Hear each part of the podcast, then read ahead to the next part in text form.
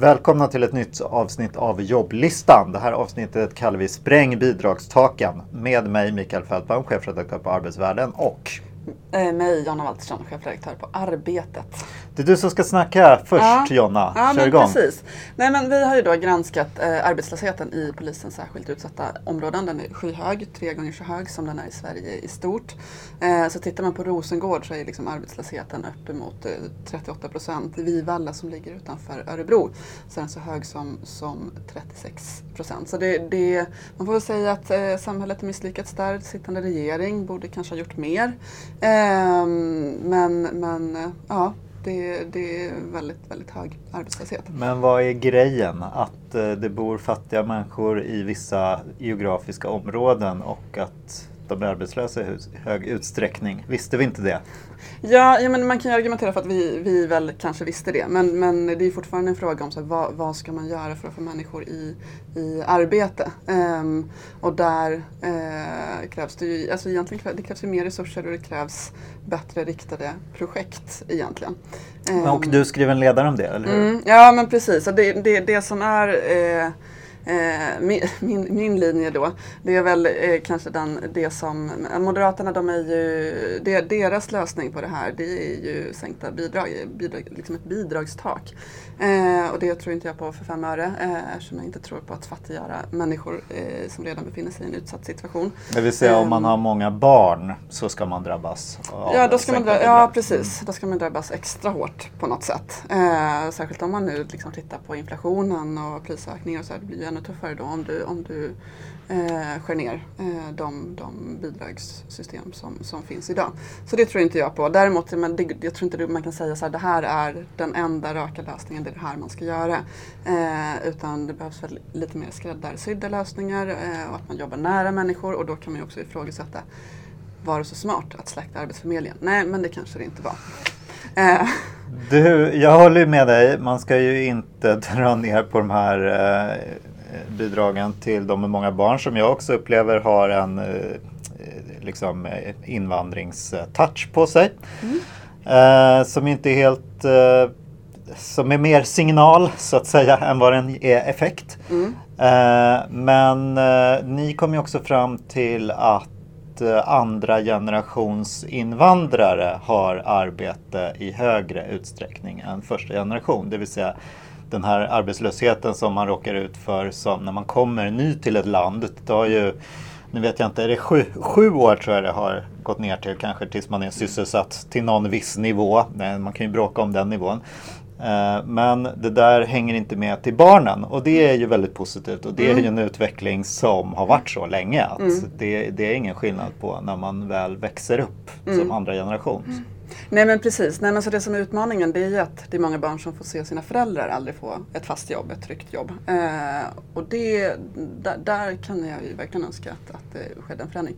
Sen finns det ju också det finns andra positiva trender. Jag menar, I Malmö så har man lyckats få fler, fler människor i jobb och få liksom att Även om arbetslösheten i Rosengård då är 38 procent så är det ändå färre idag som går på, på försörjningsstöd. Så att det är liksom ja, det- är komplext och det är, väl, det är väl det som matchar dåligt mot en valrörelse där det ska vara liksom snabba utspel, det är populism, det är liksom, man, man ger en bild av att det finns en massa enkla lösningar och det, det existerar ju inte.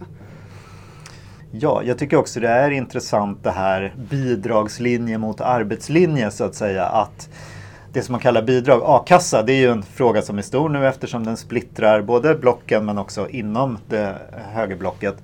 Eh, men att det ofta pratas om just i termer av att man ska motiveras att gå tillbaks till ett arbete snabbt då för att man ska eh, bli fattigare liksom.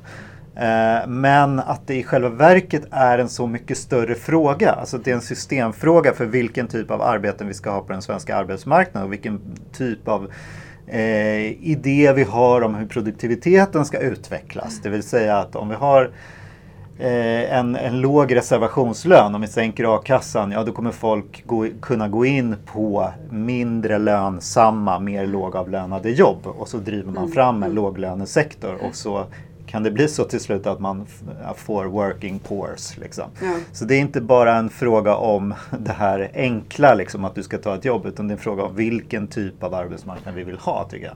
Och om det har jag skrivit min ledare också, eh, som handlar om eh, den här beroendet som vi nästan har skaffat av oss, oss av att eh, ösa ut pengar till privatkonsumtion och olika grupper när det uppstår eh, problem i samhället. Som pensionerna tyckte jag var ett sådant exempel. Visst, man kanske behöver ökad köpkraft i de här grupperna men det som det också är en otrolig brist på för äldre i Sverige är ju äldreboenden och vårdplatser.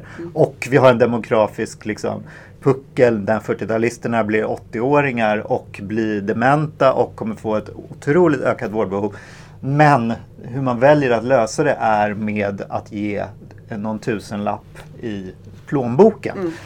Och det där tycker jag avspeglas lite i eldebatten också där mm. man nu ska ta pengarna som man egentligen hade en idé om att man skulle utveckla eh, fossilfri el för och eh, bygga ut elsystemen, något som vi behövde. Men nu ska man ge dem som kompensation. Mm. Visst, man kanske behöver göra någonting i det här läget men är det verkligen liksom pengar i fickan som är eh, det rätta systemet och just kompensationen direkt till elpriserna så att vi kan fortsätta konsumera någonting som vi egentligen inte borde konsumera mer av och som dessutom vi bygger under så att det kan öka i pris ännu mer, att vi är villiga att be betala.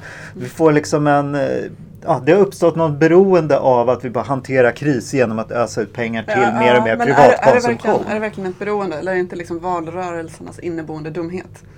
Du, du, måste liksom. Du, ja, pandem pandemin hanterades ju också ganska mm. mycket så att vi öste ut pengar och det är ju det som har, som har underbyggt inflationen till en viss nivå, även om det är liksom tillgång, tillgångssidan också. Men det är också att vi har kunnat efterfråga mer eftersom vi har fått den här de här eh, ökade, ökade konsumtionsutrymmet. Liksom. Mm, mm. Och återigen så här, ja, vi var tvungna att göra någonting. Vi kanske är tvungna att göra någonting åt elkrisen. Men gör vi det på rätt sätt? Alltså när vi har de behov som vi har av ny infrastruktur och ny välfärd. Mm. Ja, men, ja jag, jag, så jag håller med dig, men jag är lite kluven.